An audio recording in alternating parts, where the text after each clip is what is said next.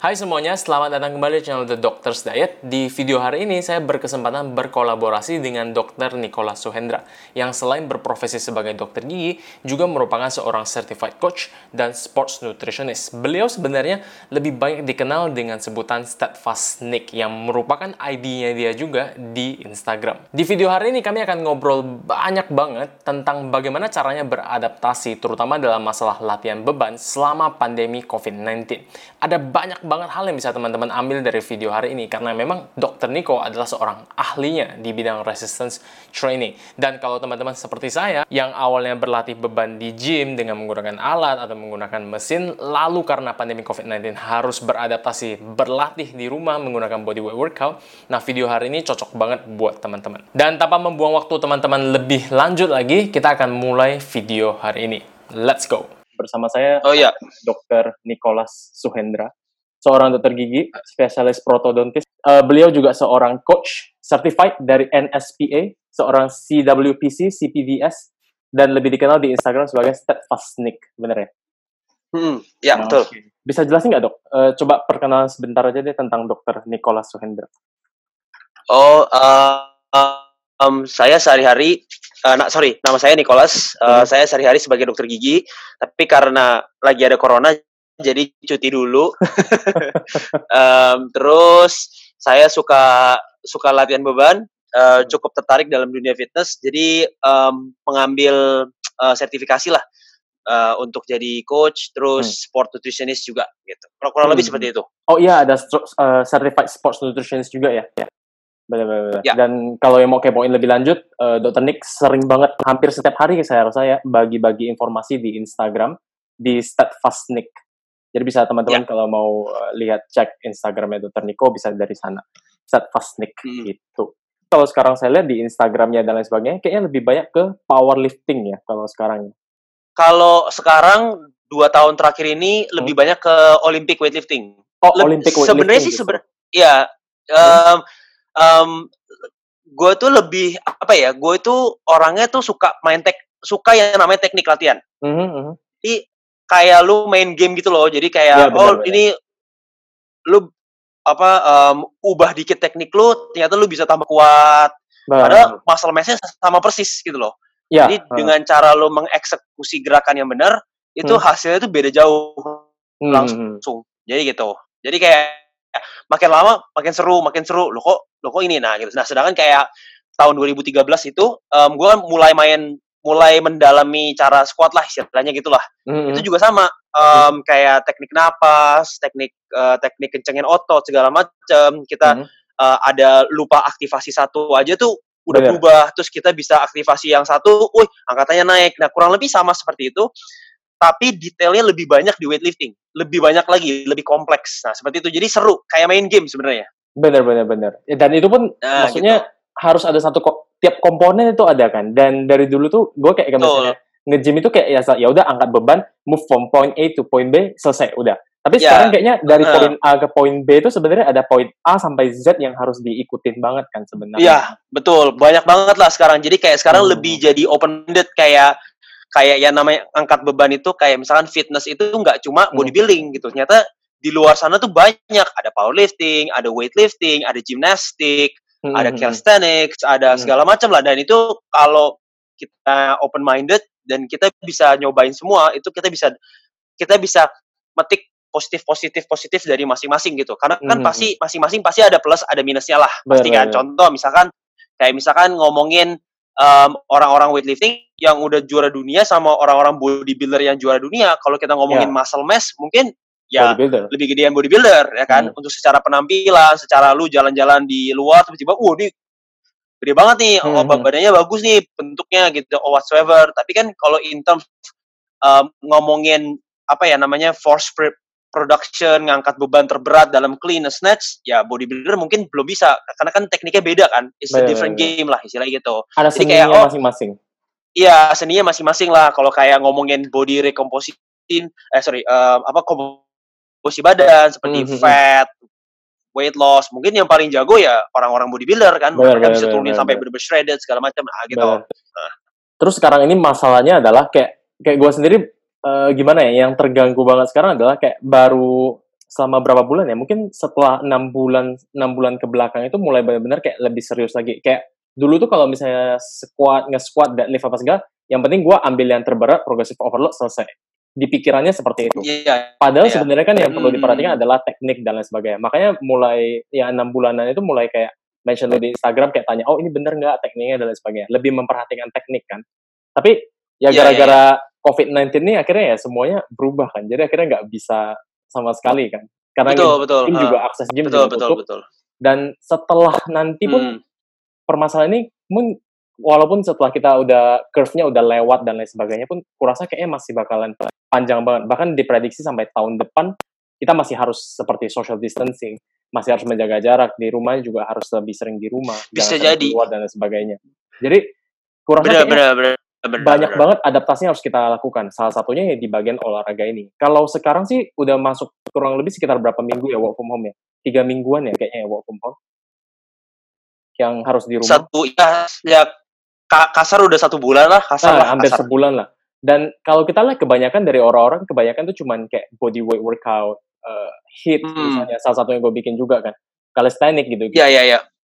Eh, ada nggak tips mungkin dari dokter Nick untuk kira-kira apa sih sebenarnya yang penting gitu? Bagaimana cara kita beradaptasi dari yang bisa akses sekarang ini kayak akses gym tuh kayak privilege banget loh, kayak Susah, banget susah. gitu. susah banget. Dan kalau ada gym tuh kayak asik Iya, banget iya, iya. rasanya. Tapi yang nggak ada gym dan lain sebagainya Hmm. itu gimana menurut dokter Nick? Yang harus dilakukan gitu, adaptasi yang harus Hmm. dilakukan lah. istilahnya.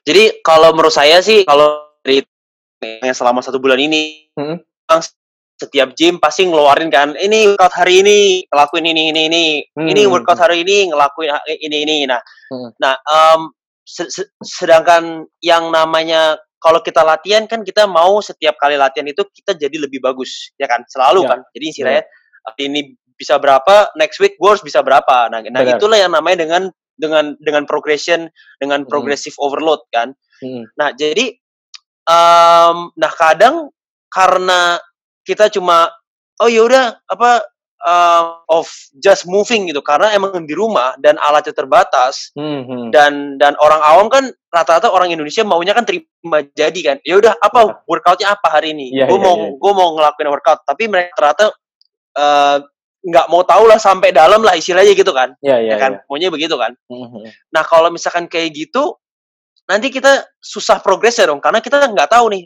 oh hari Senin kita latihannya apa, terus Senin minggu depan latihannya apa, Bener. semua kan. Bener, bener. Nah, ke- kecuali emang dari yang kasih programnya, dia memang sudah mendesain pro- eh, apa namanya em, program latihan lah, namanya Kalau ikut online coaching kayak, iya seperti, jadi kayak ada progression yang jelas, kayak misalkan mungkin minggu pertama push up dan terus minggu kedua push up tapi slow negatif minggu ketiga mungkin not just normal push up segala macam dan Oh, oh. dan itu mungkin bisa dipakai untuk diulang jadi kayak ada agendanya kayak ada di trackingnya jadi sebenarnya sih inti yang mau saya kas saya kasih tahu adalah kita harus cari tahu eh, kita harus mencatat progres kita jadi contoh lah kayak Hmm. misalkan lu push up Hmm. rata-rata yang home workout yang dikasih apa M-rep kan rata-rata Iya, Ya, M-rep, sih M-rep, M-rep, M-rep, M-rep. Kalau kita dengar kata M-rep atau enggak four time, pasti itu kan selalu dua itu kan. Yang yang Hmm. biasanya selalu adalah itu sering banget kalau di homework yang di sirkuit itu.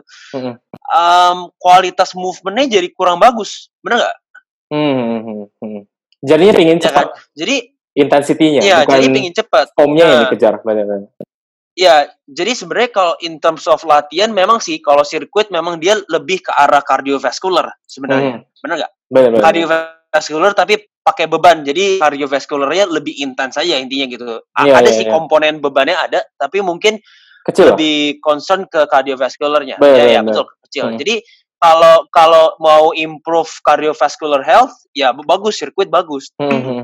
Tapi kalau mau improve muscle mass, kalau kita ngelakuin itu terus-terusan dan tanpa memperhatikan teknik, range of motion, tempo, ya Hmm, hmm.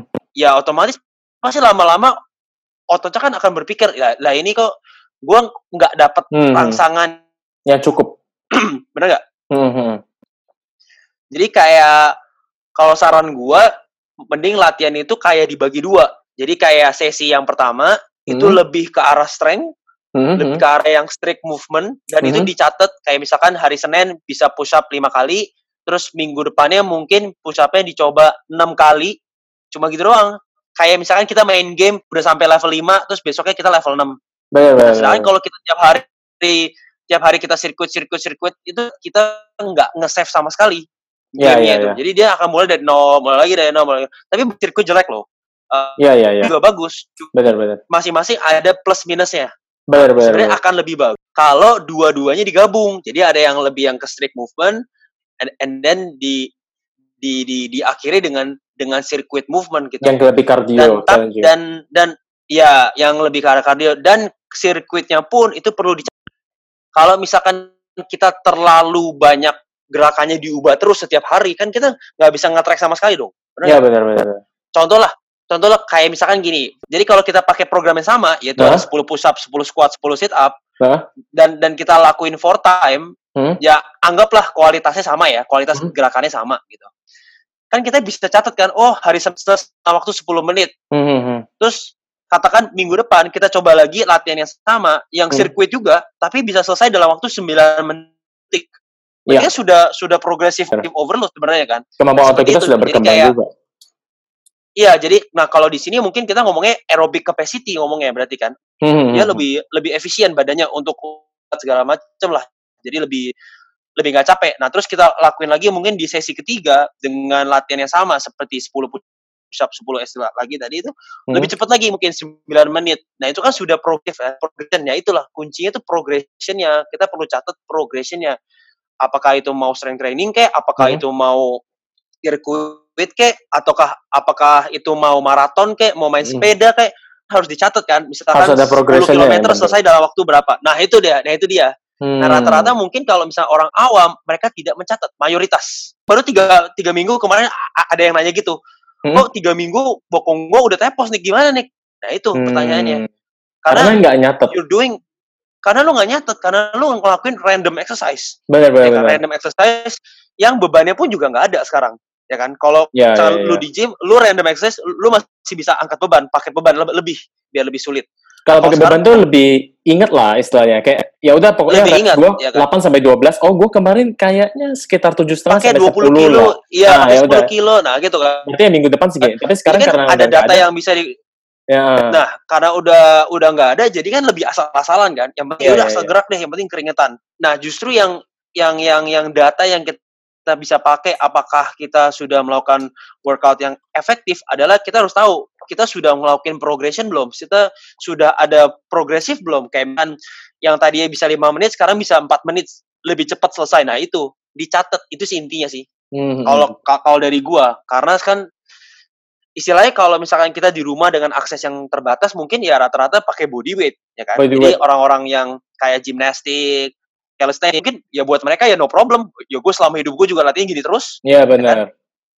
Kayak gue gini kan yang dari oke gym banget kan. berubah ke body weight ini ya agak-agak susah istilahnya. Kayak mau latihan apa lagi ya gitu loh. Jadi kayak kalau menurut gue untuk saat seperti ini, Heeh. em, mungkin kayak lu bisa beli atau invest di di pull up bar itu yang paling gampang, yang paling murah. Baru pasang kemarin itu. yang kayak di tembok. Iya, iya, iya, iya, iya. Jadi kan lu sudah bisa ngelakuin pull up kan? Padahal benar. de- dengan modal yang jauh lebih murah. Saya itu Benar, nah, benar, benar. s- dengan lu fokus di latih aja tuh lu udah ngelatih hampir hampir berapa kayak hampir tiga perempat dari badan lu udahan gitu.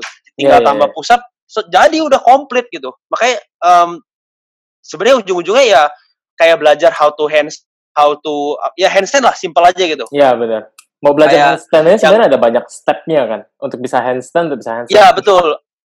Iya, lu mau belajar handstand aja, bisa push up dulu. Nah itu Iya kan benar. ngomongin apa? Teknik, ngomongin progression. Harus ingat Hmm. dong kemarin teknik gua kayak apa, sekarang teknik gua kayak apa. Jadi kan sebenarnya progression. Kayak misalkan kita kan, lu kan juga udah punya anak, ya kan? Hmm, hmm, hmm. Bener, Waktu bener. lahir anak lu langsung Bisanya gini. disuruh lari, kan kan nggak mungkin kan? Iya benar. ya kan? Pasti yang pertama kan tiduran dulu, terus tengkurap, terus bisa Iya, duduk, terus bisa jalan. Eh kan semua progression pelan-pelan. Nah itu lah. Nah, itu juga yang gue pingin tanya sebenarnya. Kayak kalau misalnya kita body weight training, eh, pengetahuan tentang body weight training sendiri terbatas gitu ya. Dan mungkin nggak semua orang kayak tahu, oh kalau push up itu ada variasinya ini, variasi itu, pakai dips, pakai bench-nya dan lain sebagainya. Apakah kalau misalnya kita latihannya setiap hari cuma push up, push up, push up, push up doang, itu apakah efektif dari satu minggu ke minggu depan? Habis itu dari sama satu minggu kalau misalnya kita cuma push up di misalnya di hari Senin kita push up nih.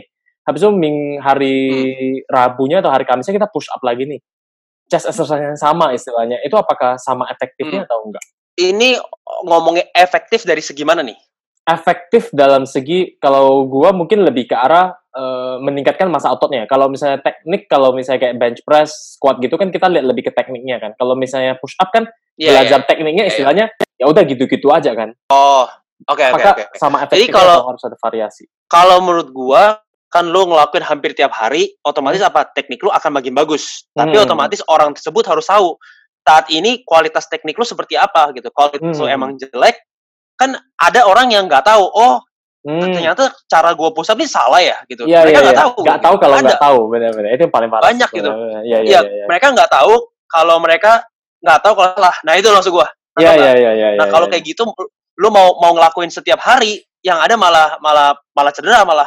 Nah sekali lu cedera dan dan push up kan salah satu gerakan yang paling basic yang lu bisa ngelakuin hampir tiap hari Mhm. dan lu cedera Mhm. sekali dong. Iya, iya, iya. Jadi iya, sebenarnya kayak kayak basicnya tuh nomor satu adalah teknik dulu. Teknik dulu, lu ngelakuin pelan-pelan dulu. Kalau teknik lu pelan-pelan udah bisa kontrol dengan rapih, ya lu Hmm. bisa ngelakuin cepet-cepetan kayak ya nggak masalah gitu. Kalau misalkan teknik lu nggak bener, otomatis kan ke- kena. Jadi progresnya nggak akan bagus. Tapi nggak masalah ya berarti Kalau ya. Kalau misalnya latihan untuk chest misalnya cuman push up doang misalnya. Tapi mungkin kita variasiin di Oh nggak apa-apa. jenis latihan mungkin hari ini M-rap, habis itu mungkin yang berikutnya itu eh misalnya apa yang W kemarin itu mungkin Nggak nggak ada masalah sih. Cuman kayak ya itulah yang namanya programming kan. Jadi kayak Hmm. harus di, di- ditentuin jangan asal tiap hari gitu. Kalau misalkan kita tiap hari Senin, Selasa, Rabu, Kamis sampai Jumat, Sabtu, Minggu, setiap Hmm. hari sampai failure nggak bakal Hmm. jalan. hmm, Maksudnya pasti ada pertama-tama pasti ada progres. Cuma suatu Oke. saat dia akan stagnan. akan plateau, nyangkut. Pasti stagnat. Nah, di situlah main main programmingnya main. Hmm, hmm, hmm. Ah, ini gue mau tanya juga sebenarnya. Kalau masalah, kalau misalnya kita mau bilang progressive overload, kalau misalnya kita fokusnya ke meningkatkan masa otot, yang dilihat sebenarnya kan yang penting itu kan di volumenya kan, di volume dari latihan yang kita lakukan. Kalau misalnya di Iya, oke. gym gampang istilahnya, kita tambah beban aja, volume kita otomatis akan naik kan. Tapi kalau misalnya untuk Iya. body weight workout ini yang salah satunya yang bisa kita naikin itu yang lebih ini adalah reps-nya kan. Jadi kayak misalnya kayak gua sendiri push up gua nyatetnya cuma istilahnya minggu ini misalnya 4 set kali eh, 20 reps per setnya misalnya gitu. Minggu depannya gua aim Hmm. untuk 21 reps untuk setiap setnya. Itu apakah salah satu contoh progressive overload untuk Ya. volume yang baik apa enggak? Ya, itu itu salah satu paling dasar untuk progressive overload di rumah hanya Hmm. dengan body weight yaitu total total repsnya ditambahin satu aja. Itu udah udah nambah. Hmm, Atau hmm, atau hmm. enggak repnya sama tapi setsnya tambahin. Ya, itu juga oke. nambah, sama aja kan. Hmm, hmm, hmm, hmm. kayak misalkan kayak W Hmm. dia total setnya banyak banget tapi kan repsnya kan ber, divariasi kan nah, Hmm, hmm, kayak hmm. gitu I- itu juga ju- juga salah satu cara untuk mengakumulasi volume nah cuman kalau dari sini sebenarnya push up itu selain kita bisa nambahin rep memang itu yang cara paling gampang nambahin Hmm. rep nambahin sets kita bisa atur ininya temponya temponya kita bisa Hmm. atur kita kita Hmm, tambahin isometric hold contoh misalkan senin lu basic push up normal push up lah Oke. Oh, kenapa tuh? Terus yang hari hari Rabu Oke, ya. ya mungkin ada yang kebakaran atau apa kali. nangkap ini orang Terus yang hari. Rabu Oke, ya, terus. ya mungkin hari nah hari Rabu hari Rabu lu push up tapi tapi 10 detik eccentric. Oke. Itu susah tuh. Capek itu itu jadi latihan yang beda total. Walaupun karena Benar. Karena dengan lu nambahin- 10 detik. 10 detik 10 detik Damn. 10 detik eccentric push up eh push up pelan aja coba. Itu ototnya capek banget loh langsung. Jadi coba aja gini, lu hari Rabu lu M rep Ah, M rep, tapi push up-nya 10 detik eccentric setiap rep-nya. Coba bisa berapa rep? iya loh, capek loh. Itu Ini gila, gila sorry. banget pasti. ini buat teman-teman di YouTube mungkin ada yang enggak ini MRAP boleh tolong jelasin dong MRAP itu apa aja? Tadi two fail, four fail Oke. itu apa aja? Um, M rep itu as many rep as possible. Cuman um, jangan bener-bener sampai failure 100% karena kalau misalnya kita udah failure 100% nya tekniknya udah failure duluan, udah gagal duluan. Jadi kalau formnya udah Oh, mulai iya, jelek itu udah dianggap fail udahan, udah Oh, sebenarnya. oke oke Udah, oke. itu stop itu. Soalnya Hmm. kalau kita terusin, Hmm. apalagi kita ngelakuin gerakan compound, jadi kan bisa aja stresnya pindah ke joint, ya udah ya stresnya gede kan di di di, di join gitu. Oke oke. Di Terus yang nah gitu. Jadi ada resiko peningkatan cedera seperti itu. terus yang W tadi dok Apa? boleh tolong dijelasin mungkin ke yang ini penonton yang W tadi. Oh, oke. Jadi kayak W ini sebenarnya program dari calisthenics dari temen gue yang namanya Samuel. Uh, Mhm. Jadi kalau belum belum yang kenal dia, dia namanya Instagramnya YN Samuel. Jadi kan Instagram orang-orang YN Samuel. kan Tadi taruh sini. Terus habis itu? eh, dia tuh, oh sorry. Jadi kan kalau calisthenics itu kan memang eh, terbatas ya akses bebannya. Jadi kan Mhm. sama seperti situasi seperti sekarang. Ya mereka benar cuma benar. ada pull up bar. Ya udah, Hmm. jadi mereka kan belum tentu pada saat lu pertama kali lat terus 10 kali pull up. Tentu kan. Jadi, benar. bisa aja orang cuma bisa lima kali lah. Terus gimana Hmm. caranya dia bisa progressive overload? Kalau misalkan dia tiap hari sampai failure, ya paling cuma nambah satu dua satu dua udah. Oh oke. Iya benar sih. Em, m- mesin badannya udah keburu udah keburu turun, turun mesin, udah keburu jebol duluan, udah sampai failure. Hmm, hmm, hmm. Pak? Coba Dion eh, sekarang beratnya berapa? Gua sekarang 70-an, 71 lah. Oke, anggaplah 71. 71 Dion katakan maksimal bisa 5 kali pull up. Berarti Oke, kan ha. 75 kali 5 berarti kan total volume berapa tuh? 355 kan? Iya. A- anggaplah yang sampai ke 5 kali ini dia tuh udah failure. Ang- anggap Oke. aja.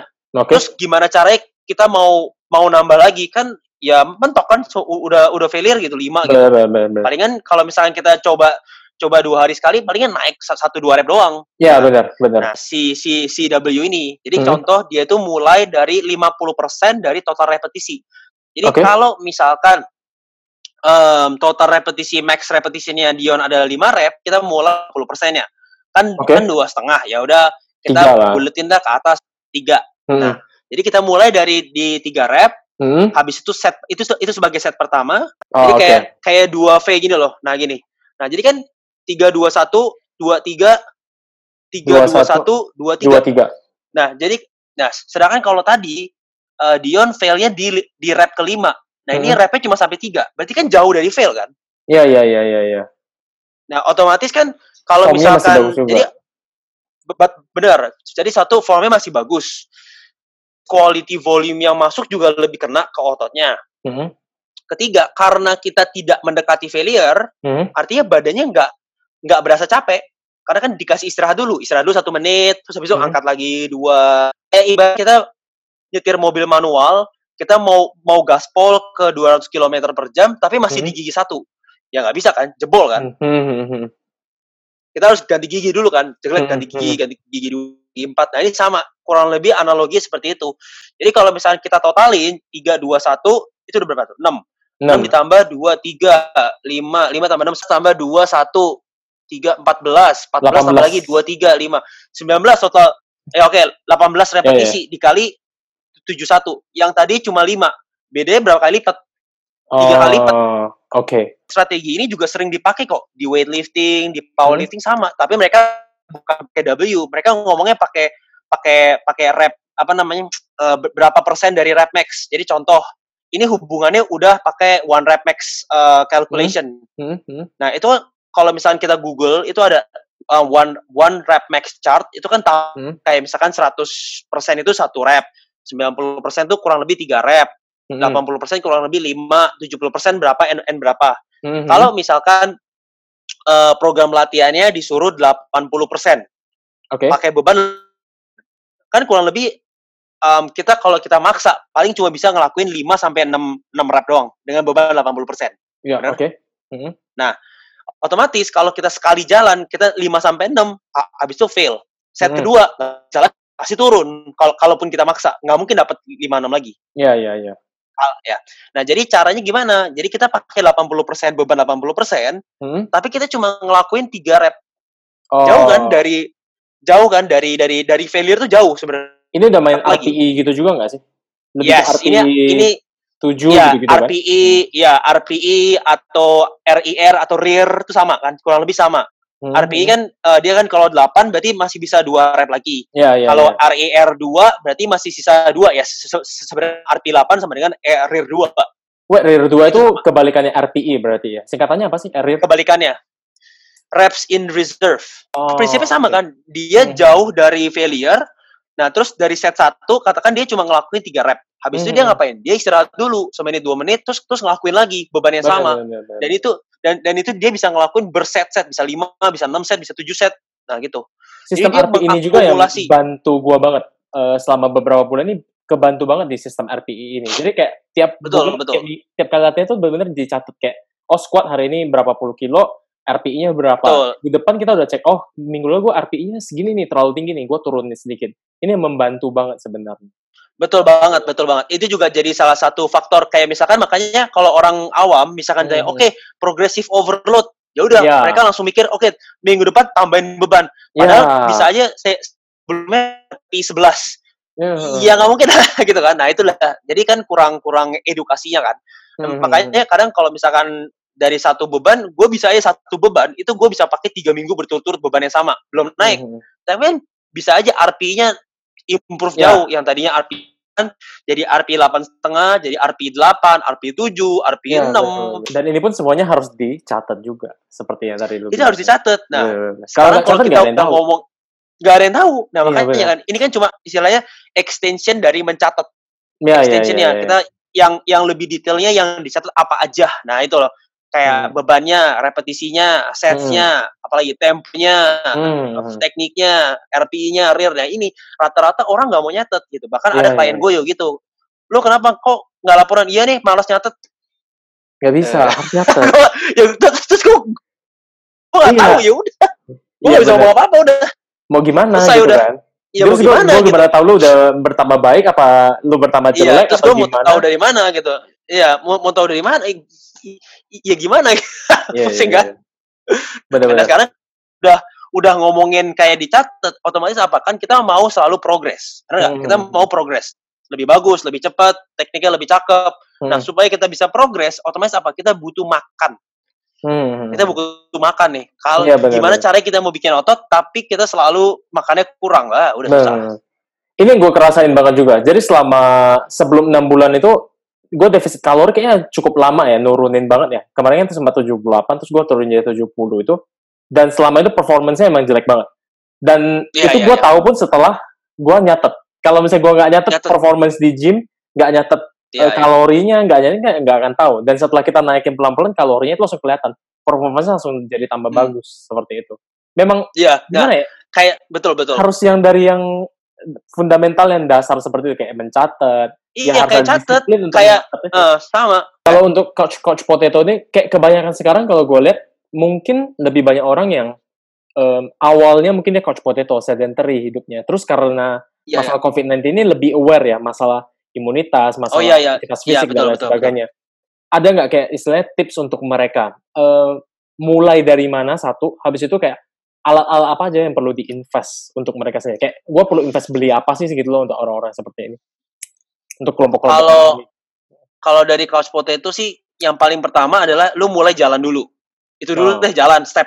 Itu dulu. Oke. Karena itu kan namanya sekali lagi progression. Kita pelan-pelan dari yang bener-bener diem lu mulai berdiri, lu, lu Hmm. mulai jalan. Lu catat aja berapa step lah. Oh, hari ini udah bisa 1000 step. Ya wes. Be- be- besoknya 1500. Kan Hmm. makin lama kan otot kaki lu makin kuat segala macam kan. Nah, nanti Oke. mulailah pelan-pelan lu bisa push up atau atau atau latihan regression dari push up seperti kneeling push up atau wall push up atau enggak baru ke body coba mulai-mulai ya pelan-pelan ya ya atau enggak mau mau mulai langsung body weight training juga bisa. training. Cuman Hmm. kalau di rumah untuk gerakan push kan sebenarnya gampang kan. Lu squat lu tinggal injak lantai. benar Kalau push push up lu, lu lu tinggal dorong lantai. Nah, yang yang repot tuh pull. full Nah, itu benar. emang agak susah, ya kan? Masa banget Nah, itu ya itu lu perlu ya setidaknya ada resistance band. Setidaknya ada resistance band lah. Hmm, hmm, hmm. Jadi itu tinggal beli. Kalau menurut gue juga harganya juga terjangkau dan itu em, menurut gue latihan yang sangat bagus sampai sekarang pun gue masih pakai karena resistance band itu dia tuh bebannya itu tidak statis dia tuh kan di- dinamis kan jadi Hmm, hmm. semakin lu tarik semakin berat in- intinya itu aja udah ada level-levelnya kan sebenarnya kan Hmm, itu Benar. udah ada levelnya. Jadi jadi kalau lu sudah punya tiga level dari yang paling enteng aja itu lu udah bisa dapat workout yang bagus banget udah sebenarnya dengan de- Hmm. dengan gerakan yang sama ya. Hmm, Ini kayak misalkan um, ini sekarang kita udah agak shift ya dari dari coach couch potato. Intinya kasarnya sih intinya lu cuma butuh body weight sama lu punya resistance band, lu udah bisa latihan. Intinya sebenarnya. Iya, Itu iya, sih iya. kalau iya. buat orang-orang seperti itu. Nah, kalau misalnya untuk orang yang sekarang nih yang udah sering di rumah, udah lebih sering olahraga, ya mereka bisa pakai resistance band yang lebih berat. Itu berat sekali loh. Parah beratnya. Oh Beratnya iya, itu berat. Gue liat kayak berat banget. kelihatannya ringan, kelihatannya ringan. Kelihatannya ringan. Heeh, heeh. Masalahnya gini, kalau di gym bebannya tuh semua statis. Jadi Ya, kalau lu lu misalkan main main contoh lah lu main bicep curl. Bicep curl lu pakai dumbbell ya kan bebannya statis kan, tidak berubah. Hmm. Kalaupun kalaupun berubah, satu titik yang paling berat adalah waktu tangan lu ngebentuk 90 derajat. Itu yang titik paling berat. Karena kan itu Hmm. gravitasinya sesuai lurus ke bawah kan. Iya, iya, iya. Ya kan? iya. Nah, kalau lu pakai resistance band, semakin lu tarik ke atas begini, dia semakin kencang, semakin narik, semakin narik, semakin narik, semakin narik. Jadi otot tuh akan dipaksa jauh lebih kerja keras dibanding pakai beban statis sebenarnya. Kontraksinya along the way ya, semuanya ya. Di hampir Iya, seluruh lebih parah ya, justru. movementnya ya. Hampir seluruh, ham- hampir seluruh movement. Dan Ah, bahkan oke. kalau misalkan di end of movement, di ujungnya kontraksinya malah tambah parah. Karena kan dia sem- semakin ketarik. Kayak karet Ah kan. iya, benar benar benar benar. Dan kalaupun masih terlalu ringan juga, Hmm. lu belum eh, nggak perlu nambahin karet, tapi lu bisa tambah isometric hold di eh, di puncak gerakan yang paling berat. Misalkan di Hmm. sini lah. Lu tahannya di sini, kan dia lagi maximum tension kan. Hmm, hmm, hmm. Jadi berat banget di situ. Terus habis itu pas negatifnya lu tahan 5 detik, mampus itu sih. Itu mampus. Ah, Jadi oke. jadi dari dari situ aja lu bisa dapat progressive overloadnya banyak banget sebelum nambahin beban. berarti ini makanya gua good selalu bilang- ya berarti ya. Jadi makanya gue selalu bilang em, pertama teknik, kedua Hmm. range of motion, ketiga Hmm. tempo. Nah tiga itu tuh, itu tiga ini lu mainin itu hanya dengan beban yang sama aja lu bisa mungkin makan waktu satu sampai dua minggu, tiga minggu untuk baru bisa naik level mungkin. Ah, oke. Berarti dengan ini aja sebenarnya dengan resistance band dengan body weight trainingnya sebenarnya sampai Udah bisa cukup gitu. tahun-tahun pun sebenarnya udah cukup kan sebenarnya. Tanpa Masih lu harus bisa ke gitu. gym sebenarnya. Kalau ya sih ya, ya. Kecuali Sebenarnya kalau ya, kita mau main yang lebih spesifik lah. Kalau misalnya kayak lu Ya, lebih spesifik, ya, kayak- otomatis ya itu beda cerita ya. Nah, Kalau ini iya, kan iya. yang kita ngomongin just just basic training ya. Ya, secara iya. umum aja lah untuk orang-orang yang Secara kayak- umum bisa kayak sebenarnya. gue gini cuman ya walaupun kangen ya sebenarnya sama squatnya sama deadliftnya kangen sebenarnya tapi ya mau gimana dengan keadaan seperti ini kan ya yang Hmm. ada aja kan Iya. Sebenarnya kalaupun lu mau squat lu pakai resistance band itu juga bisa. Lu taruh di leher lu, lu beli aja re- resistance band yang Hmm. paling berat. Mhm. Mampus itu beratnya bukan main itu. Itu bisa pedes banget tuh punya paha. Gua gua gak bohong. Itu itu gila, gua gak bohong. Mari Itu bahkan tuh. lebih berat. Nah, karena masalahnya gini, mereka itu bebannya nggak nggak statis, jadi annoying. Jadi lu mau nggak mau, waktu lu dorong, kayak Oh, misalkan oke. nih, kalau pakai pakai meteran gitu, ya ya kayak ya, ya. misalkan ada ada speedometer lah. Lu nggak Aha. nggak bisa dorong dengan dengan kilometer cuma 30 30 kilometer per jam doang tuh stabil itu nggak bisa. Pasti suatu saat dia akan nyangkut. Karena kan dia karet kan. Mhm. Pak? Jadi lu Hmm. perlu ngegas lebih kencang lagi. Jadi dari 30 lu perlu tambahin ke 40, perlu tambahin ke 50 sampai dia benar-benar bisa ketarik. Makanya kalau kalau misalkan di di assisted pull up, Mhm. Kalau misalnya orang pull up kan pakai pakai pakai resistance band kan? Mhm. yang paling gampang pasti yang paling bawah. Kenapa? Karena kan em, si si si resistance bandnya lagi ketarik banget kan. Jadi dia Mhm. akan ngebantu lu Menarik dia ke atas. atas ya ya, ya. Tapi waktu lu nyampe di atas, ini kan nggak dibantu sama sekali. ah oke Jadi di sini yang titik yang paling berat. Mhm. Nah di sini makanya orang-orang yang mau resisten eh, mau ningkatin pull up, mereka bisa ngelakuin resisten band pull up. Pas di atas itu lu ngapain? Lu tahan bisa sampai dua detik, tiga detik. Karena di situlah lu bener-bener ngegunain berat badan lu. Dan ini kan Hmm. bener-bener dapat maksimum contraction kan di situ. Mhm. Selain Jadi resistance artinya, band ini alat lain Em, lagi Alat lain apa ya? Resistance band. Ya palingan nih kalau yang murah meriah sih resistance band ya. Atau nggak tuh, dumbbell. Tapi dumbbell kalau dumbbell itu eh, dumbbell itu udah mahal loh. dumbbell itu mahal udah hitungannya. Resistance band aja udah naik harganya hari ini Iya, udah udah bisa sampai ratusan ribu kan, dua ribu, tiga ribu, segala macam ya. Ada Kalau yang- dumbbell itu eh, udah gue beli kemarin gue beli cek masih 200-an sih, tapi ada yang udah 400-an, kayaknya udah ada yang 500-an juga deh orang-orang jual. Naik Hmm. semua harganya karena stoknya naik terbatas. semua pasti harga. Stoknya terbatas, demandnya semua orang beli, ya segala. Heeh. Udah pusing udah. Kalau dumbbell yang apa? Yang bisa ganti-ganti itu power apa namanya itu? Yang dia bisa banyak Oh, itu? Apa ya, Bowflex ya atau apa gitu namanya? Iya, iya, iya. Bowflex, Bowflex. Itu worthy. Ya, itu worthy bagus. Kalau kalau lu cuma mau kayak bodybuilding, ya itu Mhm. bagus. Oke kok. A- Asal jangan lu drop ya, ancur. Ya. Tapi kalau buat home gym itu ya it's a very good investment. Ya, Dan ya, kalau ya. misalnya ada uang berlebih lagi, mungkin bisa bikin kayak lu squat track gitu ya. Eh, jadi kalau kayak gua, kalau misalkan gua em, disuruh pilih ya, Hmm. istilahnya barang apa yang setidaknya minimal lu harus punya untuk home gym Ya, ya, ya, ya. itu squat rack, barbell sama plate. Itu udah minimal. Karena Ya, kayak itu yang paling ekonomis lah istilahnya gitu. Jadi ya istilahnya lu tinggal dipilih lah squat rack sesuai dengan budget masing-masing. Ya, ya, Ya, barbell juga sesuai dengan budget masing-masing dan Mhm. juga dengan dengan plate-nya juga kan, kan juga ada budgetnya kan. Hmm. Cuman hanya dengan tiga item itu lu bisa ngelakuin satu badan udah full satu badan. Udah Iya, udah pasti full satu badan. Plus re- re- apa resistant band udah lengkap udah. Tambah bench Udah satu badan jadi bench press. Iya bisa bahkan udah cukup udah. Nah, Hmm. palingan kalaupun lu nggak usah bench press kan lu bisa pull up eh sorry bisa push up kan nah jadi bisa udahan Kalau misalnya untuk tier bawah, mungkin kalau orang-orang yang baru mau mulai, mungkin dari body weight training dulu, dari jalan-jalan santai dulu. Terus kalau yang mau mulai ya upgrade, ya ya mungkin lah boleh mulai ke resistance band. Habis itu mungkin ditambahkan dengan alat-alat yang ada di rumah. Gue sebagai dumbbell untuk row gitu, gue pakai tas doang udah. Tas terus isi buku-buku kedokteran kan berat banget, tebel-tebel tuh. Udah dapat 10 kilo juga. oh berat berat berat itu I- itu mirip kayak kettlebell tuh apa Ya, namanya ha, ha, em, ha. beban itu kayak kayak terpusat ke tengah dan ke bawah langsung kan Hmm, beda sama hmm, dumbbell beda Ya, ya, ya, ya. feelingnya beda jadi justru 10 kilo kettlebell itu berasa lebih kena banget dibanding 10 kilo dumbbell beda banget rasanya Hmm. Nah, cuman ya gara-gara corona ini kayaknya ya semua orang jadi tahu kan kayak betapa pentingnya namanya kesehatan udahan. Itu udah kayak Hmm, hmm, hmm. apa namanya?